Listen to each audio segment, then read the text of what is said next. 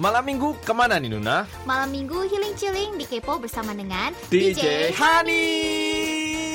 Ya. I can show you the world. Saya bisa menunjukkan dunia ini kepada kamu.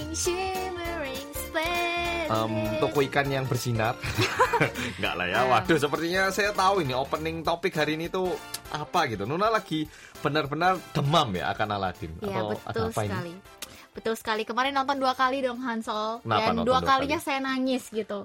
Bagus banget ceritanya. Saya kan Disney Toku. Toku Oh, tuh apa ya? Disney fans nerd gitu gitu ya. ya. Ha, Fans besar gitu ya. ha. Jadi eh, kemarin sambil nonton tuh langsung kayak oh my god. Wah, zaman kecil waktu kecil saya nih semuanya udah dibawa kembali dan dibikin menjadi kayak live action movie gitu. Oh, kan Nuna zaman kecilnya bukan zamannya ini kah? Eh, apa? Eh, Charles Chaplin yang yang guyonan-guyonan zaman dulu itu kan? Bukan kah? MacGyver gitu itu. Oh, bukan ya? bukan lah. Oh, masih zaman kekinian ya, masih Zaman belum kekinian lama-lama banget. Kamu udah nonton belum? Saya jadi mau nonton tapi kayak apa ya? Mungkin mau nonton sendiri kok kayaknya terlalu gimana gitu. Jadi belum oh ya, nonton sih. itu Ya. harus nonton banget. Kamu kira-kira ada kayak film Disney favorit gitu nggak? Film Disney. Aku sebenarnya nggak hafal ya yang termasuk Disney apa. Toy Story ini termasuk nggak?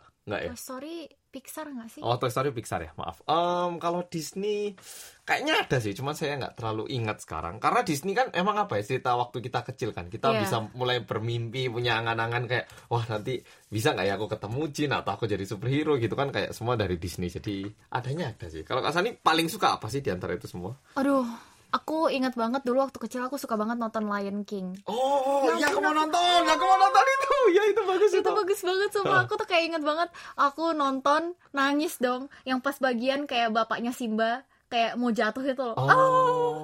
Saya nangis Iya. Bombay. Sekarang nonton pun masih nangis Bombay. Bulan gitu. depan ya Lion King ya. Iya, oh Ya, harus kalau nonton. Ya begitulah. Jadi ini adalah favorit-favorit kita ya.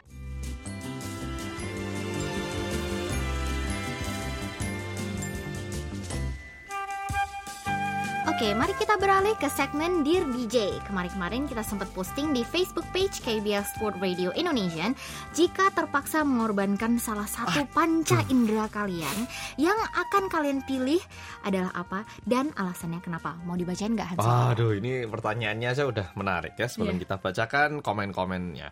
Oke, komen pertama dari Alivia Dea namanya. Iya. Langsung kayak gini. Halo Kak Ansel dan Kak Sani. Halo. Halo. Perkenalkan nama saya Alivia Dea untuk Dear DJ kali ini mengenai jika terpaksa mengorbankan salah satu panca indera apa yang saya pilih. Saya akan memilih mata saya. Waduh, mata ya katanya ya. Wow. Ada beberapa alasan saya memilih ini. Wow. Wah, Ini ini alasannya benar-benar sangat detail. Saya kira ini mau lulusan kuliah atau ini ya tesis ya ini ya. ya? Iya, saya kira skripsi ini panjang banget. Nggak apa-apa langsung saya bacakan. Pertama, terkadang seseorang dihadapkan dengan tekanan kerasnya hidup atau lingkungan yang terlalu melemahkan so- semua orang. Eh, melelahkan. Semua orang sibuk hanya lalu lalang dengan urusan pribadi tanpa peduli dengan orang di sekitar yang sering kali membuat orang lain merasa kesepian, tidak dipedulikan, dan itu bisa menambah stres mereka. Saya terkadang merasakan hal itu. Di saat seperti itu, sesekali saya mencoba memejamkan mata saya. Saya hanya berharap tidak melihat mereka semua dan saya membayangkan semua orang itu peduli kepada saya. Wow, oke, cukup menyentuh sebenarnya. Iya. Dan saat memejamkan mata saya, sering kali di situ saya bisa tenang, saya bisa berdoa kepada Tuhan, menjernihkan pikiran saya. Terkadang di situlah saya mendapatkan ide atau solusi solusi untuk masalah saya. Saya seperti melihat dunia berdasarkan imajinasi saya, di mana semua orang care dengan saya, peduli dengan dirinya gitu. Itu yang pertama. Poin pertama sendiri aja udah cukup apa ya, cukup em, merayu kita untuk berpikir eh, sedemikian. Tapi di Iya. poin kedua, Seringkali saya tidak bisa menjadi pendengar yang baik untuk teman saya karena mungkin ketika melihatnya, saya mengingat masa lalu yang buruk tentangnya atau gosip tentangnya atau bahkan fisik mereka. Karena itulah semisal saya tidak bisa melihat sering kali kita malah bisa mendengar lebih baik cerita mereka. Sederhananya ibarat chattingan dengan orang tanpa kita bertemu dengan mereka. Dengan begitu kita bisa lebih fokus dan tulus kepada mereka tanpa diganggu dengan lingkungan sekitar. Misalnya ketika di kafe melihat cowok ganteng, wih langsung noleh dan tidak fokus dengan cerita teman kita. Cukup realistik juga. Hmm. Ketiga, kadang saya ingin memberikan kesempatan kepada mereka yang maaf tunanetra bisa melihat dunia yang indah seperti yang saya lihat, seperti pemandangan alam dan indahnya kota. Juga membiarkan mereka bisa melihat seperti apa keluarga mereka yang selalu merawat dan menyayangi mereka. Aduh. Hmm, mungkin dari alasan di atas sangat mudah diargumentasikan karena itu seperti keinginan yang sementara. Karena di balik semua itu saya sangat bersyukur ketika bisa melihat indahnya dunia ini walaupun sering kali harus melihat pahitnya kehidupan ini. Hahaha. Maaf, senyumnya terlalu ini ya, agak Iya. kering. Saya percaya saya bisa melihat sekarang karena itu karunia Tuhan dan Tuhan beri saya tugas untuk menjaga menggunakan mata saya sebagai alat untuk membantu semua orang. Sekian dulu dari saya DJ. Maaf jika kepanjangan. Hehehe. Terima kasih DJ Hani. Wah ini keren banget ya. Deep banget dan benar-benar breakdownnya tuh Hmm. em, lengkap banget ya. Hmm. Em, kalau kamu gimana Hans? Eh, aku lumayan sebenarnya aku juga sempet kalau misalnya disuruh milih seketika aku baca ini ya di DJ tema kali ini tuh eh, ya aku ada setujunya sedikit karena mata ini benar-benar membuat kita memiliki pemikiran atau pendapat yang cukup keras. Misalnya aku melihat cewek cantik. Sebelum kita tahu sifatnya itu kita udah mulai suka kan ya. Kalau misalnya Kak Sani juga lihat cowok ganteng. Sedangkan bisa aja orang ini orang jahat atau orang apa gitu. Terus kalau misalnya kita melihat tempat indah itu kayaknya wah tempat ini pastinya kayak restoran indah kayaknya tempat ini makanannya bakal enak gitu. Jadi ini kayak membuat kita kurang rasional gitu loh kadang kadang mata itu. Jadi aku lumayan setuju tapi alasan-alasannya yang diberikan oleh dia ini lebih dalam lagi daripada yang aku pikirkan. Jadi kayak wah, Wow. hmm. kalau Kak Sani? Kalau aku justru agak sedikit kebalik sih. Aku bakal mau apa em, sacrifice Mm-mm. pendengaran sih. Karena kadang seperti sama seperti mata kan a- apa yang terlihat kadang bisa Mer- mem- ini ya, membutakan kita, Betul, betul. menyakitkan kita. Apa yang kita dengar pun kadang bisa menyakitkan ah, kita kan. Jadi aku ngerasa hmm, kadang ada something yang aku nggak pengen dengar dari orang lain Oh. dan uh, yang something yang melukai aku tuh mendingan aku nggak dengar sih. Dan um, kadang mm, ada ada pepatah dalam bukan pepatah sih lebih kayak saying ya dalam bahasa Inggris what doesn't uh, what doesn't hear is what doesn't hurt gitu. Maksudnya kayak apa yang kita nggak dengar it is something yang nggak bakal melukai kita gitu. So sama seperti um, like visions kan yang mata kan. Um, kadang ada sesuatu yang kita um, tidak ingin lihat langsung karena it's misjudging kan Hmm, menurut aku sama seperti pendengaran juga sih kadang itu ada hal-hal yang tidak perlu kita dengarkan gitu loh. Kayak lebih baik kita nggak nggak perlu dengarkan gitu ya. Jadi bukan berarti kita nggak mau tahu, cuman ada beberapa fakta yang sebenarnya kita nggak perlu tahu gitu loh maksudnya kan ya. tapi ini uh, tapi juga menurut aku um, ada juga yang something seperti ini example-nya ya. Misalnya aku dengar nih ada teman ngomongin aku nih tapi lewat teman aku itu juga dengar kan? Oh. it's something like that yang menurut aku juga unnecessary gitu sih. Hmm, ya, benar itu sih yang ya. membuat kita juga sakit hati, membuat kita juga memiliki pandangan negatif kepada orang lain. Mulai dan curiga, mulai curiga, Ah, mulai sakit benar, hati, benar, mulai membenci, gitu sih. Iya, jadi kadang perasaan-perasaan negatif mulai muncul ya, Ah, masuk akal. jadi Ah, menurut benar, aku setuju. pendengaran juga sama sih. Jadi Bener sih ya, masuk akal juga. Ya. Ya, itu karena kan nggak ada jawabannya ya untuk ini, maksudnya berbeda-beda. Iya sih, Iya. jawaban Kak Sani juga cukup bagus. terima kasih banyak. Teman-teman, sekarang mari kita move on ke Dear DJ part kedua. Oke, langsung dibacakan Kak Sani. Ya, ini dari Mas Waluyo Ibnu Dishman. Waduh, langganan Yeah. kita ya, salah satu langganan, Saya membership sekarang gold. sudah jago Iya. nge-pronounce namanya ya. Iya. Dear DJ, saya sudah lama sekali ingin mendaftarkan diri untuk donor organ saat Hmm. nanti saya meninggal, baik Benar-benar. sebagian organ atau semua organ. Hanya saja organisasi atau yayasan bank organ belum Oh, ter- iya? tersedia di Indonesia. Terlebih kultur Indonesia masih bermandikan hal tabu. Hmm. Jangankan soal donor organ, saat meninggal atau hidup, donor darah saja masih dianggap tabu di kalangan tertentu. Oh iya? Sesuai dengan pertanyaan di DJ minggu ini, jika terpaksa kehilangan salah satu panca indera, pembau hidung, perasa lidah, pelihat mata, mendengar telinga, peraba kulit, kalau kehilangan indera peraba kulit, kan nggak mungkin banget dan otomatis langsung meninggal. Orang yang kena luka bakar 7 70% a- aja resiko meninggalnya cukup besar apalagi 100%. Hmm. Jika terpaksa, aku milih eh, aku milih hilang saraf pembau karena hilang saraf pembau mungkin akan tampak terasa ringan daripada hilang indera yang lainnya. Hmm. Saat hilang saraf pembau, orang bisa berani masuk ke toilet jorok dan bau ya walaupun ada rasa menjijikan tapi saraf pembau hilang jadi rasa rasanya hanya geli aja gitu. Hanya saat kehilangan saraf pembau kita tidak kontrol diri apakah badan kita bau atau tidak soalnya kan nggak bisa mendeteksi bau. Hehehe. Hilang ya saraf pembau bukan berarti hilangnya batang hidung ya. Hehehe. Salam buat Luyo Ibnu Disman. Benar, tapi- Ini pinter ya. Ini enggak, enggak, ini tapi begitu aku baca ya. Kalau Kak Sani kepikiran apa ketika membaca yang masalah eh, toilet tadi itu? Kau- Aku soalnya langsung ada ide yang lucu banget gitu. Hmm, aku nggak ada Nggak sih. ada ya? Kalau aku gini, kita kan misalnya ke toilet umum ya, kita tahu kan ada kotak Pandora di setiap eh, kubin-kubinnya itu. Jadi kan kadang kalau misalnya kita ke toilet umum terus ini tertutup kita bakal mikir kan Aneh ini nih kita pasti. ini kita siram dulu baru kita buka atau kita coba buka untuk ambil risiko kan kayak ada tantangan gitu tahu-tahu kan maksudnya ya Iya iya iya. kita itu pengen lihat dulu tapi takutnya kalau kita lihat menyesal tapi kayak pengen ngambil resiko untuk membuka kan ya Ah. nah karena tapi kan karena kita ada apa ya uh, bisa membau ya yang seperti udah dikatakan Mas Walu Disman ini kan kita jadi tahu kayaknya yang ini ada atau enggak gitu loh Ah. tapi kalau kita nggak bisa membau kan wah benar-benar kita nggak bisa tahu kan ya Ah. tapi ketika kita buka wah ternyata jackpot gitu ya Ah, jadi kayak. Kalau ke toilet jadi lebih kaget lagi gitu. Iya, Wah, iya, kayaknya iya. ini gak ada. Uh, kok, kok ada belut gitu Ah, iya, tiba-tiba ya kan. Ya aku kepikiran Oh itu God. sih. Iya sih, tapi ini pinter sih. Soalnya aku Hmm. sama sekali nggak kepikiran indra ini sih uh, pencium Oh, oh, kan. pencium bau ini. Soalnya honest sih indra pencium tuh kalau misalnya nggak ada pun kita nggak bakalan terlalu suffer gitu loh. Tapi kayaknya kalau nggak ada pembau ya kita bakal nggak kita nggak bakal gemuk deh menurutku.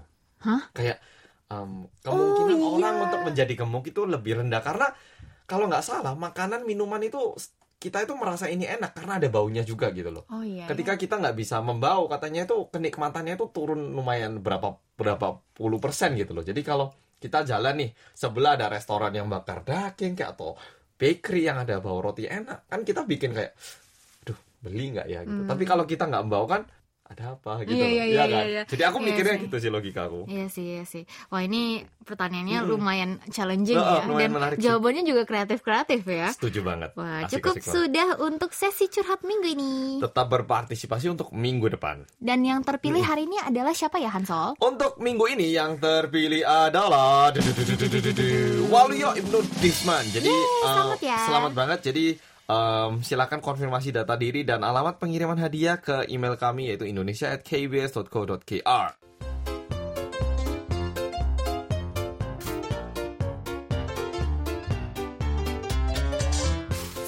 kita masuk ke segmen teka-teki. Nah, untuk menjawab segmen kali ini harus didengarin dari awal sampai habis. Betul sekali dan harus didengerin setiap minggu ya. Jadi pertanyaan untuk teka-teki minggu depan akan kita bacakan dalam program Kepo minggu ini dan kita post lagi di Facebook page KBS World Radio Indonesian Service. Tapi nanti kadang-kadang ngikutin aku dong bisik-bisik. saya saya lip sync ya di sebelah ya. Tapi nanti kadang-kadang secara mendadak ya kita bakal ngasih kuis dengan tema random yang bisa aja nggak ada hubungannya dengan siaran Kepo kali ini atau yang sebelumnya. Tapi pastinya tetap seru dan menantang. Betul sekali teman-teman. Jadi harus siap kita tantang eh, tantang tantang ya dalam seg Tantang, dalam segmen uh, Teka-teki. teka-teki minggu ini. BTW cara pengiriman jawabannya gimana ya Hansol? Untuk mencegah adanya eh, contekan ya. Jadi eh, semua jawabannya harus dikirimkan melalui email yaitu indonesia@kbs.co.kr. Betul, gampang banget ya caranya teman-teman pendengar K-Popers. Sangat gampang. Jadi kalau gitu langsung mari kita bacain dulu pertanyaan minggu ini. Kira-kira para pendengar Kepo masih ingat nggak sama pertanyaannya? Jadi pertanyaannya adalah apa yang bikin kita ilfil pada kencan pertama? Mulai dari Atika Raharjani. Kalau Kak Sani ilfilnya first date terus cerewet banget pas makan. Terus kalau Kak Hansol pas ngedate ilfilnya ceweknya kalau pakai makeup yang terlalu tebal. Hmm, Oke, itu jawaban pertama. Langsung coba kita bacakan jawaban yang kedua dari Alivia Dea lagi ternyata ya. Saya hari ini Iya. membacakan Alivia Dea dua kali. Iya. Halo Dijani, perkenalkan nama saya Alivia Dea lagi. Halo. Un- halo, halo lagi. Untuk teka-teki kali ini kencan paling ilfil DJ Hani. Untuk DJ Hansol, Kak Hansol pernah ilfil karena teman date-nya yang diajak ke mall berdandan agak berlebihan seperti memakai bulu mata yang terlalu mencolok. Untuk DJ Sani, Kak Sani pernah ilfil waktu first date dengan pacar Kak Sani sekarang empat tahun lalu. Saat itu Kak Sani kaget eh, tahu ke- kaget ketika tahu teman date Kak Sani sangat cerewet bahkan melebihi Kak Sani. Sekian DJ Hani, semoga saya benar dan dipilih DJ Hani. Terima kasih DJ katanya. Oke, Hansol, mari kita uh, pilih pemenangnya dan jawaban yang paling benar menurut kita adalah. Alicia Dea. Wow, selamat Olivia Dea. Jadi uh, untuk pemenang kali ini, maksudnya Olivia Dea, uh, kita minta konfirmasi alamat pengiriman hadiahnya melalui email kita yaitu indonesia@kbs.co.kr. Betul sekali. Teka-teki untuk Kepo tanggal 6 Juli adalah siapa yang bulan April dan Mei kemarin rajin banget ngevlog setiap hari. DJ Sani bulan apa? DJ Hansol bulan apa? Ayo, siapa yang katanya rajin nontonin vlognya? Betul sekali.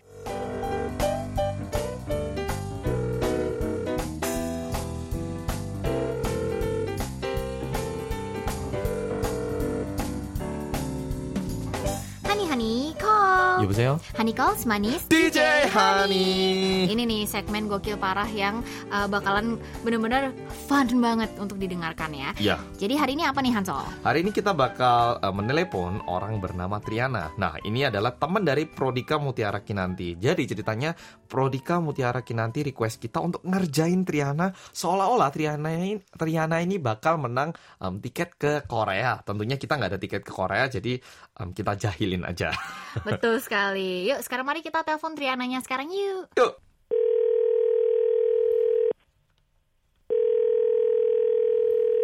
Halo, Hani Hani call. 여보세요. Hani calls manis DJ, DJ Hani. Hani. Halo, Triana ya? iya kak. Halo, aku Sani. Aku Hansol. Iya, Iya, kita DJ Hani dan kita hari ini pingin kuis. Kuis yang benar-benar asik banget. Jadi Triana, uh, hari ini kamu adalah salah satu to- apa? Pemenang pendengar- kesempatan untuk ke Korea. Jadi Iya, kita betul akan sekali. memberikan beberapa kuis. Nah, kalau Triana berhasil menjawab pertanyaan-pertanyaan berikut ini, uh, Triana akan mendapatkan hadiah untuk pergi ke Korea. Apakah liburan ke betul Korea. sekali? Apakah Triana siap? Oh, siap kak. Oke, siap ya. Uh, mungkin langsung mau mencoba karena kita udah menyiapkan tiga pertanyaan.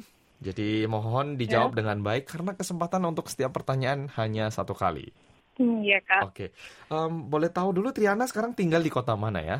Em, Bukit Tinggi kak. Oh, Bukit Tinggi. Oke, pertanyaan pertama. Berapa jarak dari Bukit Tinggi hingga kota Seoul? Kita kasih waktu 10 detik.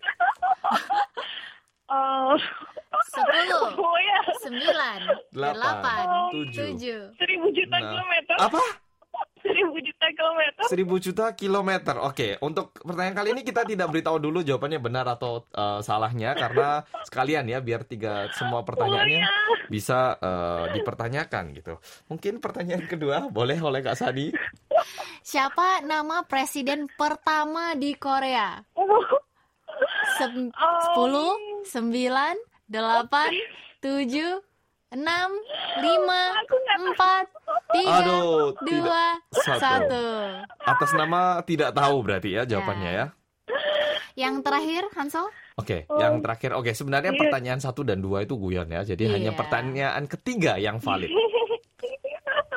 Jadi kalau bisa menjawab pertanyaan ini, eh, hadiahnya bisa langsung diterima. Jadi nggak perlu khawatir. Yang tadi itu cuman guyonan ya, cuman guyonan. Jadi yang penting itu yang sekarang. Oke, apakah Triana siap? eh, siap kak. Oke, pertanyaannya akan saya bacakan satu kali. Jadi didengarkan baik-baik. Betul. Apa Aduh, kuping saya. nama ibu kota Korea? Seoul. Apa Yakin? sekali lagi? Yakin. Seoul jawabannya ya. Iya. Oke, oh, padahal kita belum selesai bicara ini Korea Utara atau Korea Selatan, tapi dijawab dulu Seoul ya. Oke, jadi jawabannya Seoul dan bagaimana Kak Sani? Apakah jawabannya betul? Eh, betul sekali. Yeay! Wah, selamat Triana. Jadi, wah Triana berhasil menjawab pertanyaan yang begitu susah menurut kami. Waduh, jadi em, sesuai yang sudah kita bicarakan tadi, em, Triana memenangkan ini ya eh, kesempatan untuk ke Korea. Iya. Tapi kesempatannya akan nanti eh, tiketnya bakal kita kasih malam ini. Apakah bisa diterima malam ini? Iya, bisa, Bisa ya. kak. Ya, tapi kita ngasihnya lewat apa Kak Sani? lewat mimpinya Triana. Iya, jadi hadiahnya hanya berupa mimpi. Ke Koreanya nanti lewat mimpi ya. Di mimpi nanti aku kasih tiket langsung naik pesawat di mimpi ke Korea. Gini gini gini. Triana Triana. Jadi sebenarnya ini bukan uh, bukan kita yang pengen benar-benar kayak ngejailin ya, tapi ini dari request temennya Triana yang namanya Prodika Mutiara Kinanti yang request untuk ngejailin Triana. Teman deketnya ya? Ya. iya kak. Eh, jadi Kita karena satu kelas di kampus. oh, gitu. Oh. Eh, Jadi jadi kira eh, jadi gini, Triana kan sehari ini udah habis dijailin nih, gitu Mm-mm. kan. Eh, kamu ada Iya. em, Kesan. kesan atau pesan untuk temennya Prodika Mm-mm, yang sedang atau namanya ngerjain. Mutiara ya di sini ya. Iya, Om, makasih loh ya udah ngerjain aku. Kesannya gimana? Makasih juga. Tunggu aja tanggal mainnya. Mau di ini ya dibalas Balas dendam, ya kita. dendam ternyata. Ini teman dekat banget berarti Iya, artinya iya, ya. berarti. Teman dekat banget. Ah, ini asik banget nih. iya, Kak. Tapi Triana juga eh, makasih ya soalnya bener-bener kayak have fun banget. Oh, oh. Eh, apa telepon-telepon sama kita terus tebak-tebakan tadi gitu kan. Jadi terima kasih banyak Iya. udah ngangkat telepon kami. Jangan lupa untuk selalu pantengin dan selalu dengerin K-pop mulai sekarang ya. Mm-mm. Ya, makasih, Kak. Iya. Ya makasih. Sebelum itu jangan lupa ngirimin ini ya pengiriman ha- hadiah karena kita bakal ngirimin souvenir. Jadi bukan tiket pesawat tapi bakal ada souvenir dari KBS. Um, alamat pengirimannya tolong dikirim ke Indonesia at kbs.co.kr. Oke? Iya, Kak. ya makasih banyak ya Triana untuk dan waktunya. ya. Iya, Sukses senang banget selalu. ngomong sama Kak Hansol, sama Kak Sani. Aduh, Oh, terima kasih banyak. Take care ya. Bye Bye-bye. bye. Ya, baik, Kak. Hani Hani call. 여보세요. Hani call semanis DJ DJ Hani. Halo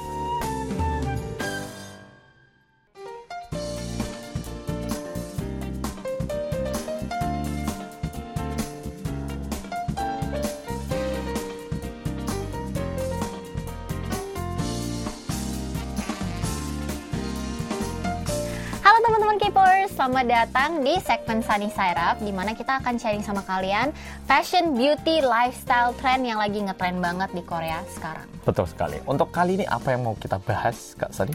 Nah, eh, yang untuk konten hari ini kita bakalan bahas gimana sih cara mendapatkan summer body yang uh ah gitu. Uh, ah, apa sih summer body itu sebenarnya? Yang ah itu summer body itu yang yang ramping, yang yang Oke, sebenarnya lebih identik ke yang arah body goals gitu lah body ya. goals. Lebih ke arah ini nggak sih sebenarnya lebih ke arah yang eh, kadar apa ya lemak yang rendah biasanya ya kalau summer body itu ya lebih ke arah itu. Hmm, begitulah yang lebih ke arah slim pokoknya ya gitu ya, yang yang body goals gitu. Betul Dan sekali. kita kan berdua sempat bikin uh, video yang berhubungan dengan uh, makan fit, gimana caranya Menurunkan berat badan gitu ya. menurunkan berat badan dan diet dan segala macam. Dan hari ini kita membawa konten di segmen Sunny Up untuk membagikan sedikit dari seg- eh, dari perspektif Hansol gimana Hansol diet dan juga dari perspektif aku eh, waktu aku lagi bener-bener gencar-gencarnya diet. Gitu. Hmm, gitu. Oke. Mau dimulai dulu? Saya dulu. Um, ada dua cara sih sebenarnya kalau mau diet uh, jangka singkat, Hmm. maksudnya dalam waktu yang singkat kayak tiga hari kemudian aku mau ke mana gitu Hmm. ya. Lebih mudah pakai cara yang ini sih intermittent fasting aku bilang yang 18 jam kita puasa 6 jamnya makan gitu. Hmm. Soalnya itu cepet banget turunnya. Seng gitu, benar-benar efektif banget. Cuman em, kalau dibuat jangka panjang bisa jadi sedikit menderita. Hmm, Tapi kalau misalnya udah rencana jauh-jauh hari kayak tiga bulan ke depan, sebenarnya lebih bagus makannya diatur pagi, Iya, siang, iya, malamnya iya. apa olahraga tentu harus rutin meskipun yang mana pun. Kalau aku sih dua itu tergantung berapa waktu yang sisa. Kalau Kak Sani gimana untuk Kalau aku sih sangat tidak me- menganjurkan dan tidak mengencourage teman-teman untuk starving ya. Maksudnya Hmm, jangan uh, jangan sampai nggak makan sehari atau Hmm. pokoknya aku skipin aku skipin aku nggak makan gitu. Aku sangat tidak menganjurkan itu karena uh, tipe-tipe diet-diet yang kita lihat di media-media belum tentu akan cocok di badan kita. Oh, kalau satu. itu benar juga. Dan juga yang uh, kedua, uh, menurut aku diet itu harus lebih uh, dalam step di, uh, dalam step di mana kita mengerti kondisi badan kita dulu gitu. Misalnya um, kita um, misalnya kita lebih banyak lemaknya di daerah mana gitu kan. Nah itu uh, gimana sih caranya biar kita bisa menghilangkannya gitu kan atau me- men- menurunkannya mulai dari olahraga misalnya kalau di bagian paha olahraga paha. Tapi juga kita harus gimana ya watch out um, Melihat makan apa pola makan kita dan apa yang kita makan. Misalnya kalau kalian suka gorengan, coba untuk dikurangin makanan gorengannya itu dan di um, replace atau diganti dengan makanan yang lain. Kalau aku sih gini, aku awalnya aku kan uh, misalnya kita tiga kali makan nih sehari gitu kan terus habis itu uh, pagi sama siangnya aku makan ya udah makan biasa gitu kan cuman malamnya dari dari makan yang steak makan apa yang banyak karbonya segala macam aku ganti dengan salad Hmm. saladnya tapi banyak sampai kita kenyang gitu.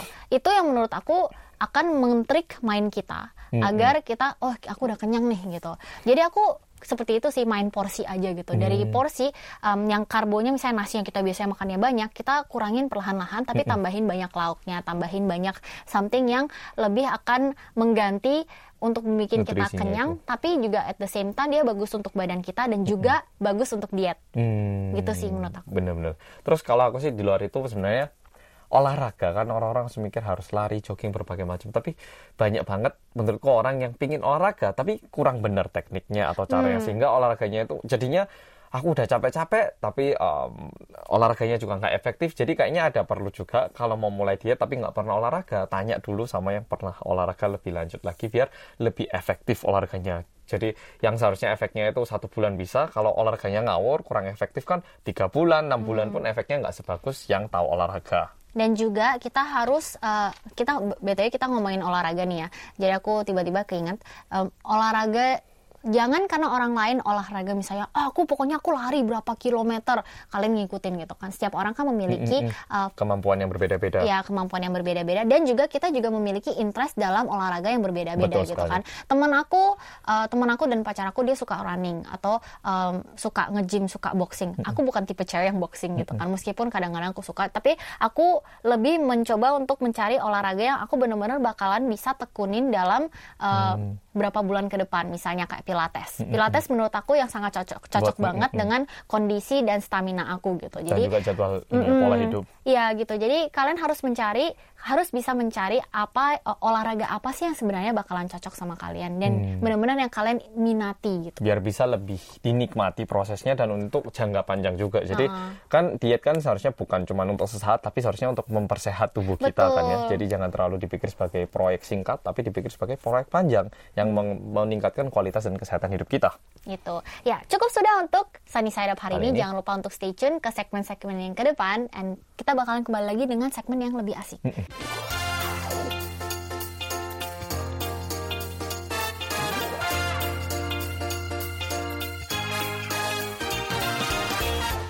sudah untuk kepo hari ini. Betul sekali, tapi nggak apa-apa karena minggu depan kita bakal kembali lagi dengan konten yang lebih menarik dan lebih asik dan tentunya lebih menghibur lagi.